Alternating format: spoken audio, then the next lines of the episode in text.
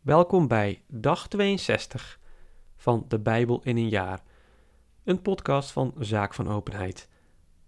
Vandaag lezen we nummerie 19 en 20, Psalm 62 en Marcus 8. Nummerie 19 Jaweh sprak tot Mozes en Aaron. Dit is het voorschrift van de wet die Jaweh geeft. Beveel de Israëlieten dat zij u een rode koe brengen, gaaf en zonder gebrek, die nog geen juk heeft gedragen. Ge moet haar aan den priester Elazar geven, die haar buiten de legerplaats moet brengen en daar in zijn tegenwoordigheid laten slachten. Dan moet de priester Elazar met zijn vinger wat van haar bloed nemen en het zevenmaal voor de openbaringstent sprenkelen. Daarna moet men de koe in zijn tegenwoordigheid verbranden. Haar huid, vlees en bloed moet men met de darmen verbranden. Vervolgens moet de priester cederhout, hyssop en karmozijn nemen en dat midden op de brandende koe werpen. Dan moet de priester zijn kleren wassen en een bad nemen, waarna hij in de legerplaats mag komen, maar de priester blijft tot de avond onrein. Ook de man die de koe heeft verbrand, moet zijn kleren wassen, een bad nemen en is tot de avond onrein. Nu moet iemand die, iemand die rein is, de as van de koe verzamelen en die buiten de legerplaats op een reine plaats leggen. Ze moet voor de gemeenschap der Israëlieten worden bewaard, om er het reinigingswater mee te bereiden. Die koe is een zondeoffer. Ook de man die de as van de koe heeft verzameld, moet zijn kleren wassen en is tot de avond onrein. Voor de Israëlieten, zowel als voor een vreemdeling die in uw midden woont, geldt voor eeuwig de volgende wet.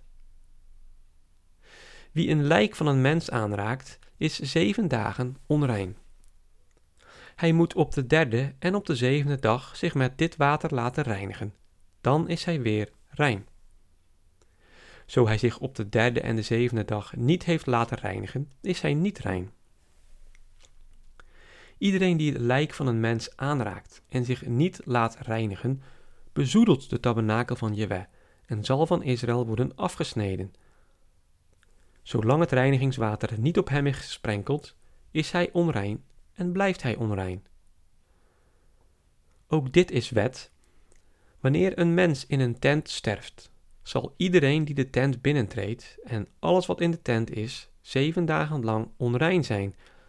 Ook elk open vat dat niet met een doek is afgedekt, zal onrein zijn. Ook is iedereen die in het open veld iemand aanraakt die door het zwaard is vermoord, of een natuurlijke dood is gestorven, de beenderen van een mens of een graf, zeven dagen onrein. Voor zulke onreine moet men wat as van het verbrande zondeoffer nemen en daarop in een vat levend water doen.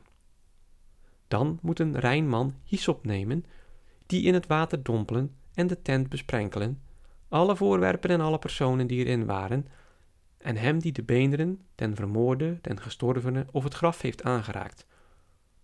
Zo moet de reine, den onreine op de derde en op de zevende dag besprenkelen. Als hij op de zevende dag is gereinigd, moet hij nog zijn kleren wassen en een bad nemen, dan is hij des avonds weer rein. Maar wanneer zulke onreine zich niet laat reinigen, zal hij van de gemeente worden afgesneden, omdat hij het heiligdom van Jewe bezoedelt. Zolang er geen reinigingswater op hem is gesprenkeld, blijft hij onrein. Dit is voor u een eeuwige wet. Ook hij die het reinigingswater sprenkelt, moet zijn kleren wassen, en die aan het reinigingswater komt, is tot de avond onrein. Ook wordt alles wat de onreine aanraakt onrein, en de persoon die hem aanraakt is tot de avond onrein. Nummer 20 Toen in de eerste maand heel de gemeenschap der Israëlieten in de woestijn Sin was gekomen, vestigde het volk zich te Kadesh. Daar stierf Mirjam en werd zij begraven.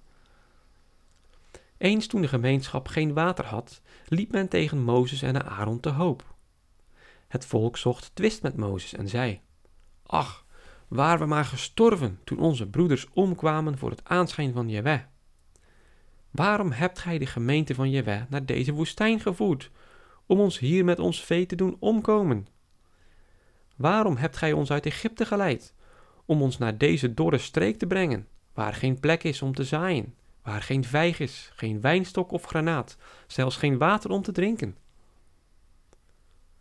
Toen liepen Mozes en Aaron van de gemeente weg naar de ingang van de openbaringstent en vielen op hun aangezicht neer. De heerlijkheid van Jewe verscheen hun, en Jewe sprak tot Mozes. Neem de staf en roep met uw broeder Aaron de gemeenschap bijeen en gebied in hun bijzijn de rots water te geven. Gij moet voor hen water uit de rots doen vloeien en de gemeente en haar vee te drinken geven. Mozes nam dus de staf voor het aanschijn van Jewe weg, zoals hij hem bevolen had, riep met de Aaron de gemeente bijeen voor de rots en sprak tot haar. Luistert, rebellen, kunnen wij wel uit deze rots voor uw water doen vloeien? Daarbij hief Mozes zijn hand op en sloeg tweemaal met zijn staf op de rots. Toen vloeide er water in overvloed uit, zodat de gemeenschap met haar vee kon drinken. Maar Jewe sprak tot Mozes en Aaron, omdat gij mij niet hebt geloofd en mij voor de ogen van de Israëlieten niet als heilig behandeld hebt, zult gij deze gemeente niet binnenleiden in het land dat ik hun heb geschonken. Dit is het water van Meriba, waar de Israëlieten met Jewe hebben getwist, en hij zich aan hen als heilig toonde. Van Kadesh uit zond Mozes gezanten naar een koning van Edom met de boodschap: Zo spreekt uw broeder Israël. Gij kent alle wederwaardigheden die wij hebben ondervonden. Onze vaderen zijn naar Egypte getrokken en wij hebben lange tijd in Egypte gewoond. Maar de Egyptenaren hebben ons evenals onze vaderen mishandeld. Wij hebben tot je weg geroepen en heeft hij ons gehoord en zijn engel gezonden om ons uit Egypte te leiden. Nu zijn wij in Kadesh, een stad aan de grens van uw gebied, en wij zouden graag door uw land trekken.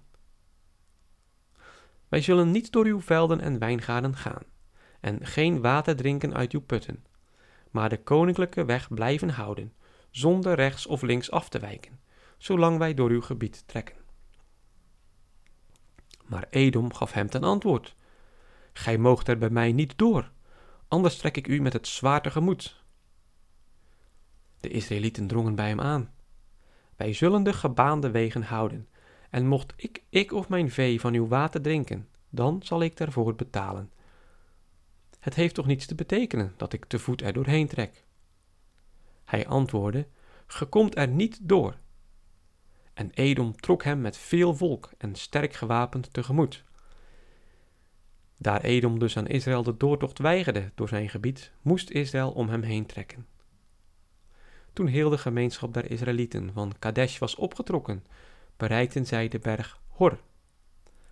En op de berg Hor, aan de grens van het land van Edom, sprak Jewe tot Mozes en Aaron. Aaron zal bij zijn volk worden verzameld, want hij zal het land dat ik de Israëlieten heb gegeven niet binnengaan, omdat gij beiden u bij het water van Meriba tegen mijn bevel hebt verzet.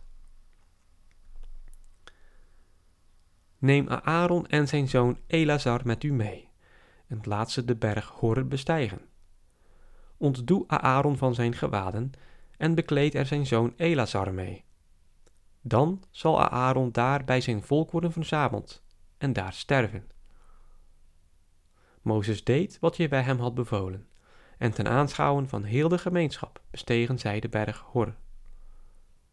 Mozes ontdeed Aaron van zijn gewaden en bekleedde er zijn zoon Elazar mee. En Aaron stierf daar op de top van de berg. Toen Mozes en Elazar van de berg afdaalden en heel de gemeenschap zag dat Aaron gestorven was, beweende heel het huis van Israël Aaron dertig dagen lang.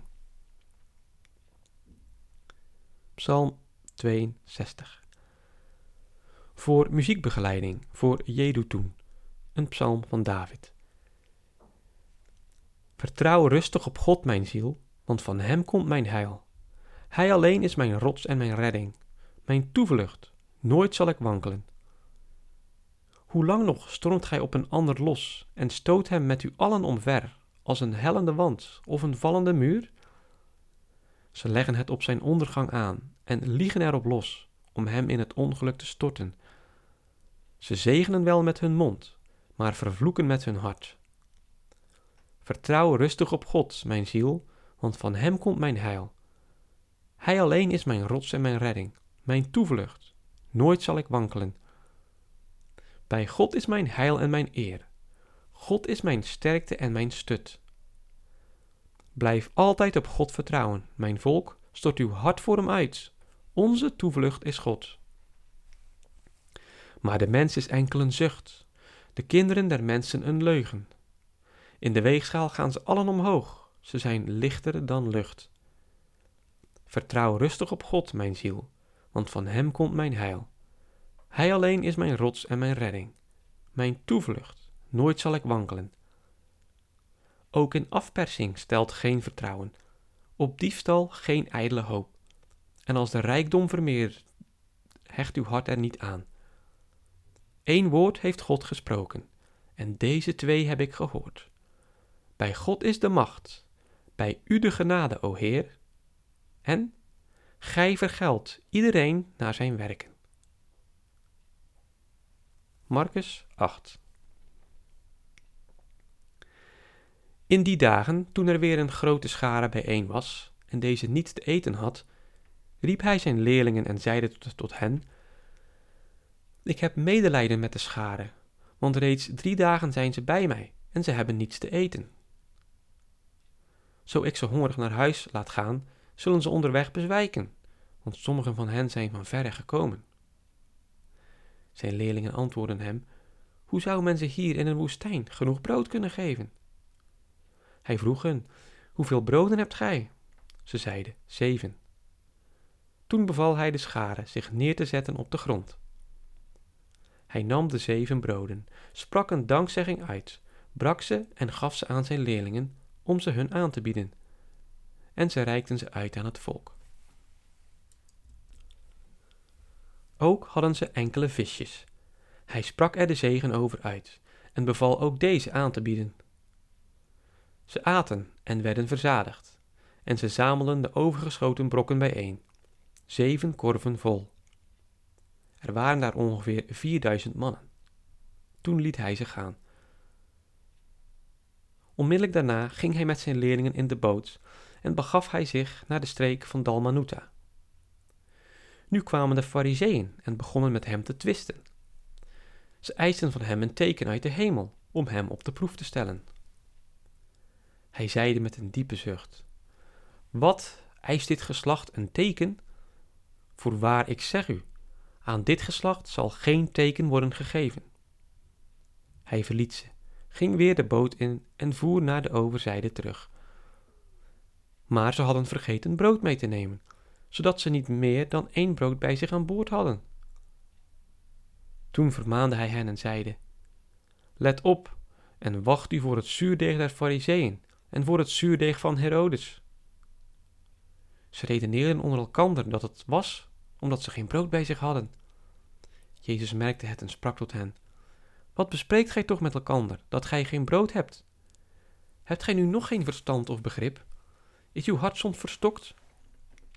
Gij hebt ogen en toch ziet gij niet, oren en toch hoort gij niet? Weet gij dan niet meer hoeveel korven vol brokken gij hebt verzameld, toen ik de vijf broden brak voor vijfduizend man? Ze zeiden hem, twaalf.